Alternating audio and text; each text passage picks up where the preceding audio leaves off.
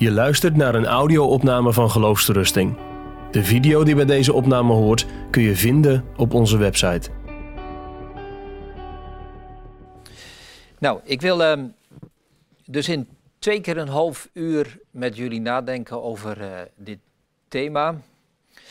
En ik kan niet alle vragen over het eh, lezen van de Bijbel beantwoorden, uiteraard. Want het gezag van de Bijbel, de helderheid van de Bijbel, de onfeilbaarheid van de Bijbel, ehm, de genoegzaamheid. Er zijn allerlei thema's die bij elkaar, naast elkaar eh, te onderscheiden zijn.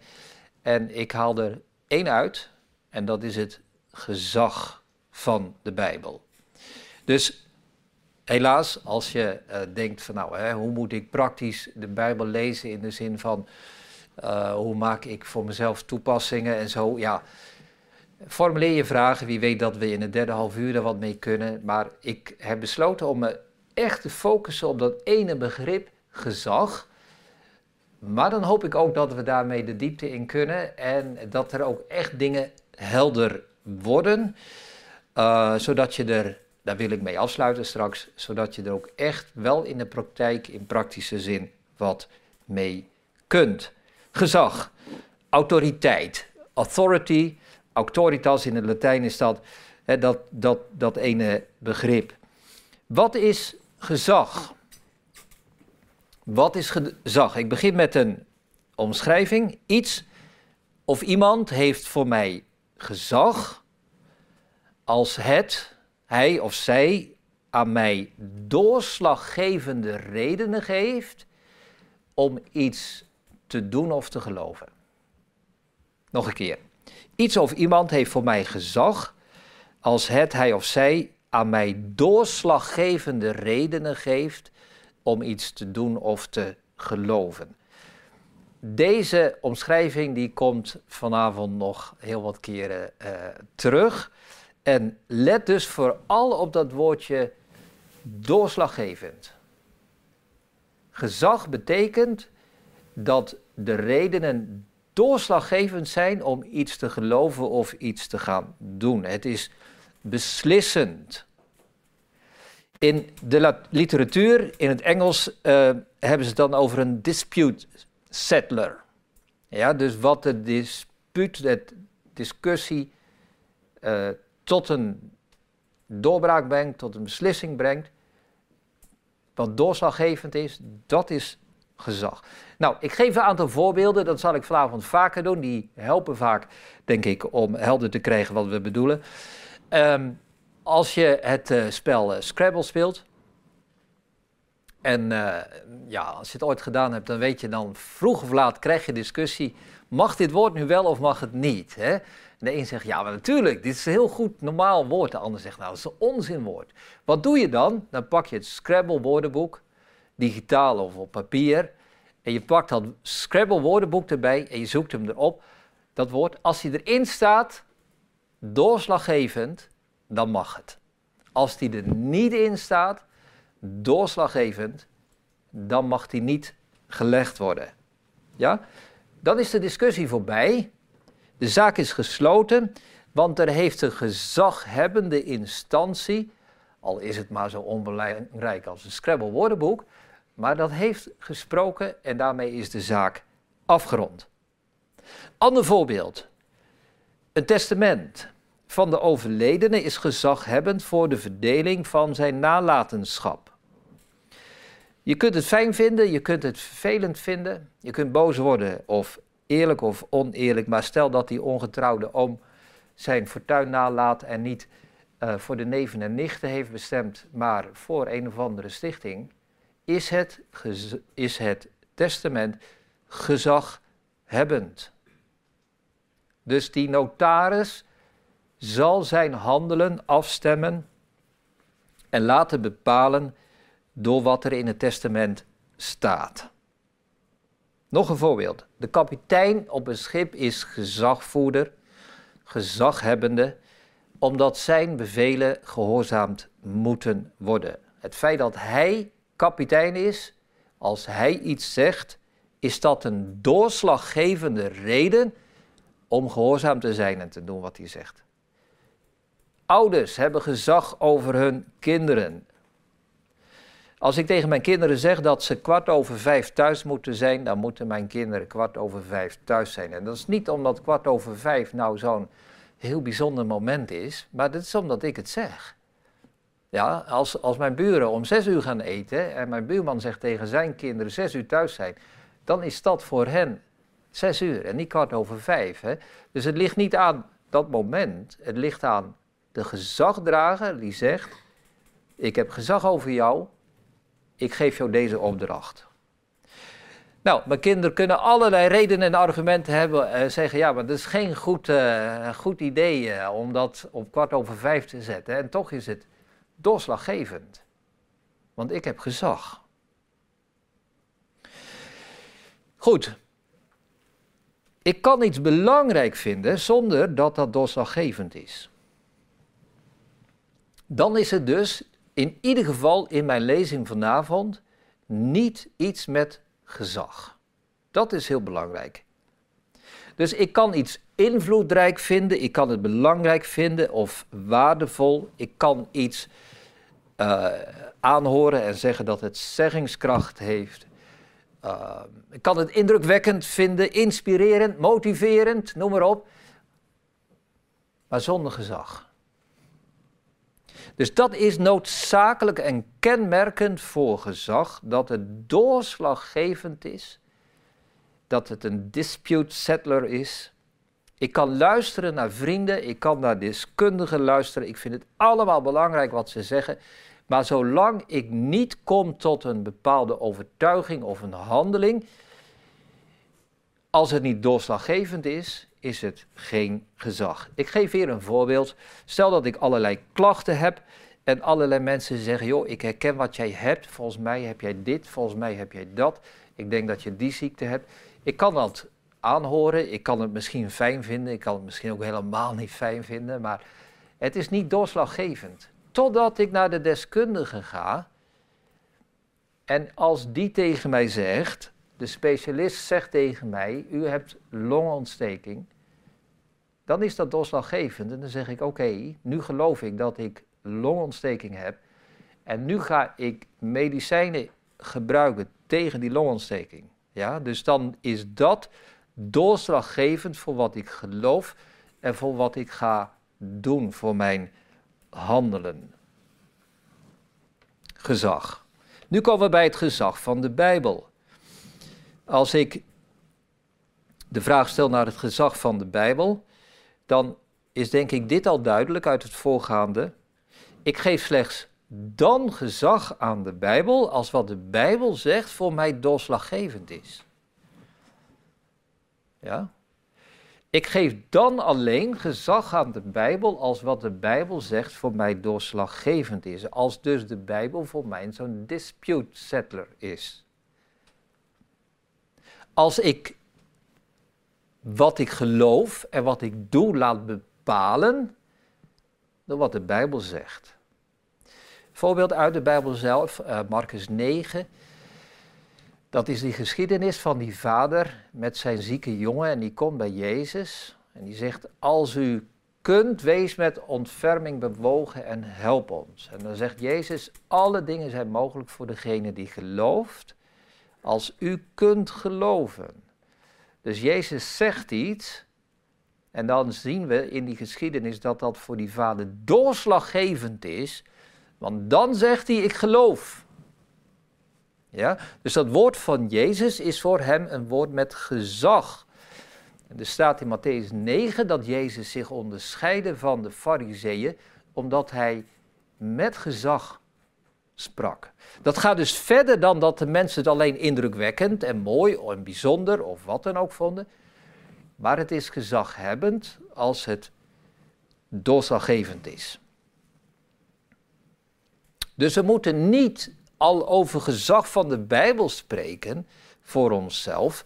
Als ik de Bijbel mooi vind en belangrijk vind, veelzeggend, indrukwekkend, waardevol, inspirerend, motiverend of invloedrijk, of welke woorden je ook allemaal in wil vullen. Je kunt zeggen, ik vind de Bijbel bemoedigend, ik vind daar troost in, ik vind daar kritiek in, een spiegel, eh, eh, het raakt mij, het verandert mijn leven. Het is waardevol, ook al die dingen die ik nu opsom. Natuurlijk vind ik dat belangrijk, dat de Bijbel die invloed op ons leven heeft. Maar ik zou het geen gezag willen noemen. Ik zou het geen gezag willen noemen. Het is niet genoeg om dat alles gezag te noemen. Want gezag, denk aan wat ik eerder zei, voor gezag is nodig dat het een doorslaggevende reden is voor wat ik geloof en wat ik doe. Nou, ik denk dat dit punt, zoals we dat nu hebben gezien, dat dit doorslaggevend is voor christenen. Er zijn ook niet-christenen, er zijn ook niet-gelovigen die de Bijbel een mooi boek vinden en inspirerend en waardevol en belangrijk, uh, uh, noem maar op, een hoop van leren. Maar zij zullen het niet gezaghebbend vinden. Daar ligt volgens mij de grens tussen gelovigen en niet-gelovigen. Dat gelovigen de Bijbel zien als dispute settler, als doorslaggevend voor wat zij geloven en wat zij doen. Omgekeerd betekent dat dat mensen die de Bijbel niet dit gezag geven, geen christenen zijn. Dat is een vergaande uitspraak, dat besef ik. Maar ik zeg het toch. Ik denk dat dit werkelijk ook de, hè, het belang en, en de, uh, de betekenis van het thema van vanavond uitmaakt. Daar ligt de scheidslijn. Een ware gelovige, een oprechte christen, vindt de Bijbel doorslaggevend. Geeft de Bijbel gezag. Nou, ik gaf net het voorbeeld van een kapitein. Er kunnen twee, geen twee kapiteins op één schip zijn, dat gaat altijd fout. Zo kan de Bijbel ook niet een tweede gezagsinstantie naast zich hebben. Als de Bijbel gezag heeft, heeft hij meteen ook het volle gezag. Het hoogste gezag, hoe je het noemen wil, in mijn lezing gezag, want er is maar één instantie die doorslaggevend kan zijn als je twee kapiteins op één schip hebben, hebt en de een zegt dit en de ander zegt dat, is geen van beide doorslaggevend. Als jij naar een arts gaat en de ene arts zegt, ehm, ik geef een voorbeeld, uh, stel dat er een, vrouw is die, die zwanger is en die wil van de arts weten of zij nog met een vliegtuig mee mag. De ene arts zegt ja, dat kan nog wel, is uh, verantwoord. De andere arts zegt nee, dat is niet verantwoord, je mag niet meer vliegen dan hebben ze geen van beiden meer gezag. Want het is niet meer doorslaggevend voor het doen en laten van deze vrouw. Ja? Dus daarom is het ook heel belangrijk, wij kunnen de Bijbel alleen gezag geven als de Bijbel ook de enige gezagsbron is. Dus het kan zijn in het gewone leven dat uh, de ene gezagsdrager als het ware overroeld kan worden door de andere. Ja, dus in de sport heb je de, uh, met, met, met voetbal heb je de, de scheidsrechter. En die zegt, uh, doelpunt is afgekeurd, maar dan heb je altijd nog, of soms de VAR. Die kijkt er nog even naar en als die een oordeel, ander oordeel heeft, dan gaat dat bovenuit dus de luitenant op het schip kan een, uh, bevel geven, maar als de kapitein het zegt, is het gezag van de luitenant overroeld. Ouders op school kunnen iets zeggen, die hebben gezag, maar wordt overroeld door het gezag van, of leerkrachten op school, dat wordt overroeld door het gezag van de ouders. Kan het gezag van de Bijbel ooit overroeld worden? Nee, onmogelijk. Als God degene is die spreekt, dan kan dat niet overroeld worden of vervangen door een ander gezag. Nou, ik vind dat we hier niet moeten schipperen. Als het hierover gaat en we luisteren naar de stem van God, dan, moet, dan moeten wij ook werkelijk aan God dit gezag geven en uh, dat moet voor ons doorslaggevend zijn in wat wij geloven, in wat wij doen, in wat wij vertrouwen. Zo spreekt de Heer Dat is het woord wat we telkens in de Bijbel tegenkomen en dat is doorslaggevend. We lazen Matthäus 5. Je ziet dat Jezus het woord van de tegenstander, van de beproever, weerlegt door te wijzen naar het woord van God. Staat geschreven, en dat is voor Jezus dispute settler. Doorslaggevend, waarmee hij de zaak beslist en beëindigt. Dit is het einde van alle tegenspraak. Wel, ik zal een uh, paar voorbeelden geven van een verkeerd gebruik van het schriftgezag. Dus ik kom eh, in een wat uh, kritischer en misschien voor het oog wat negatievere fase terecht. Maar ik doe dat omdat, kijk, in de, in de reformatorische traditie is het schriftgezag altijd natuurlijk enorm hoog aangeschreven geweest. Dus niemand die zichzelf reformatorisch of gereformeerd noemt, zal zomaar zeggen: weg met dat schriftgezag. Maar toch kan dat gebeuren dat het verminderd wordt, ondermijnd wordt, hoe dan ook. Ik geef twee voorbeelden en ik heb ze allebei ontleend aan, ja, aan de situatie die gaande is in de gereformeerde kerken vrijgemaakt. Dat is natuurlijk al jaren bezig. Daar zijn ook verontruste mensen.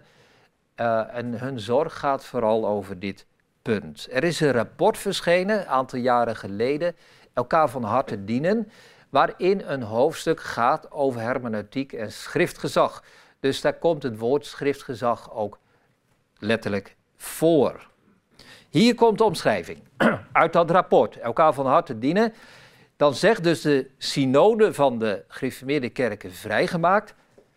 Schriftgezag, hier citeer ik. Schriftgezag is het eerbiedig en oprecht luisteren naar wat God zelf ons in zijn woord openbaart. Nou, eerbiedig en oprecht luisteren naar wat God zelf ons in zijn woord openbaart is goed, maar het is geen schriftgezag. Het is geen goede definitie van wat schriftgezag is. Want we kunnen ook goed en oprecht naar elkaar luisteren als mensen onderling, zonder dat iemand gezag heeft, zonder dat het doorslaggevend is. Ja? Dus je kunt met deze omschrijving mooie dingen zeggen, maar het is geen gezag. Want deze omschrijving laat in het midden of wij het woord van God alleen maar, nou, belangrijk, mooi, inspirerend, confronterend, enzovoort, enzovoort, enzovoort vinden. Of dat we nog een stap verder gaan en zeggen, ja, maar het woord van God is voor ons het einde van de tegenspraak en is de dispute settler van onze discussie en vragen. Wij vormen altijd ons geloof en ons handelen naar wat God in zijn woord zegt. Dat staat niet in deze omschrijving. Dat heb je niet te pakken als je zegt het is eerbiedig en oprecht luisteren naar wat God ons in zijn woord openbaart. Het wordt nog duidelijker, denk ik, als wij weer een paar voorbeelden gaan introduceren, als we dit vergelijken met andere vormen van gezag. Ja, dus voorbeeld van de kapitein. Het gezag van de kapitein is dat de matrozen eerbiedig en oprecht luisteren naar wat hij zegt. Nou, dat slaat gewoon nergens op. Dat is niet wat wij bedoelen als we het over het gezag van de kapitein hebben. Het gezag van de scheidsrechter is dat de voetballers eerbiedig en oprecht luisteren naar wat hij zegt. Nou, wie ooit een voetbalwedstrijd heeft bekeken, die weet dat het zo niet gaat. Ze hebben altijd wat te mopperen, die voetballers. Maar ze erkennen het gezag. Ja? uiteindelijk gaan ze altijd overstag. En ze lopen altijd de gebaren natuurlijk en de schreeuwen naar die, naar die scheidsrechter. Maar ze gaan overstag, want ze weten het. Deze man heeft gezag en wat hij beslist, al vind ik het misschien niet eerlijk, maar hij heeft gezag en hij beslist het. En het spel gaat verder. Het is doorslaggevend.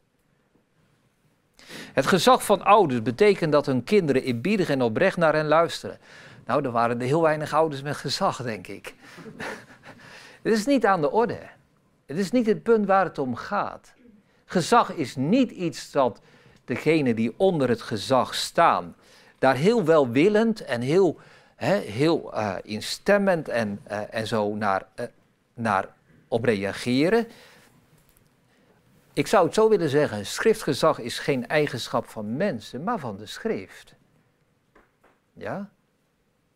Dus het gaat niet om hoe ik daarop reageer met mijn emotie. Misschien word ik er wel boos om, denk aan dat testament bijvoorbeeld, of aan die voetbalwedstrijd of wat dan ook. Maar uiteindelijk, het is doorslaggevend. Nou, dat vind ik dus echt wel heel ver gaan dat die notie in zo'n rapport over het schriftgezag helemaal ontbreekt. Ik noem nog een voorbeeld uit hetzelfde rapport, elkaar van hart dienen. Hier komt het citaat: De schrijvers van de Bijbel leefden in een heel andere tijd, waarin ook de verhouding man-vrouw anders was. Als je dit niet verdisconteert, ga je zomaar elementen uit de cultuur van na de zondeval inlezen in Gods openbaring. Dus dat rapport dat zegt als wij uh, uh, Genesis lezen of andere delen uit de Bijbel, dan is dat taal van na de zondeval. Na de zondeval zijn de verhoudingen tussen mensen, tussen man en vrouw, verstoord door de zonde. Dat werkt door in de taal, maar goed, die taal wordt gebruikt om te beschrijven hoe de verhouding van man en vrouw is. Dus zegt het rapport, voordat wij weten wat de Bijbel bedoelt, werkelijk wil zeggen over de verhouding van man en vrouw, moeten we eerst dat zondige element eruit halen, dat patriarchale van die samenleving van toen. En als we dat eruit gefilterd hebben, dan weten we wat de Bijbel zegt over de verhouding van man-vrouw. Ja, maar goed, alles goed. Dan moeten wij dus zeggen dat die Bijbel geïnfecteerd is met zondige gedachten. En die moeten wij eruit halen. En dat betekent uiteindelijk dat de Bijbel zoals we die voor ons hebben liggen, geen gezag heeft. Wat daar staat is niet doorslaggevend. Daar moet eerst nog een bewerking overheen, als het ware, waarin wij gaan filteren en zeggen, nou dit was patriarchaal, Mozes zat in een patriarchale samenleving. Paulus ook nog steeds. Dat moeten we eruit filteren en pas daarna heeft de Bijbel gezag. Ja, maar dan is de Bijbel dus geen dispute settler. Twee voorbeelden dus, waarvan volgens mij um, duidelijk is dat er heel wat gebeurt als wij uh, ons gezag niet aan de schrift geven zoals zou moeten. Wat hebben wij gezien? Er is sprake van gezag als iets of iemand dispute settler is, doorslaggevende redenen geeft voor wat wij geloven en wat wij doen. En wij geven dan en slechts dan gezag aan de Bijbel als de Bijbel voor ons in deze zin doorslaggevend is. Ik wil straks in de tweede lezing met jullie nagaan op welke, uh, op de vraag, ingaan op de vraag op welke terreinen de Bijbel dan gezag heeft. En aansluitend, dat zal het slot van de tweede lezing zijn, aansluitend wil ik met jullie kijken wat betekent dat nu voor onszelf in de praktijk als wij de Bijbel lezen. En hoe kunnen we dit hele verhaal over het gezag van de Bijbel meenemen in ons eigen Bijbellezen. Oké, bedankt. Wij houden even pauze. Ik geef het aan Jonathan, ik weet niet waar die is. Je luistert naar een podcast van Geloofsterusting. Wil je meer luisteren, lezen of bekijken? Steun dan ons werk en ga naar de website geloofsterusting.nl.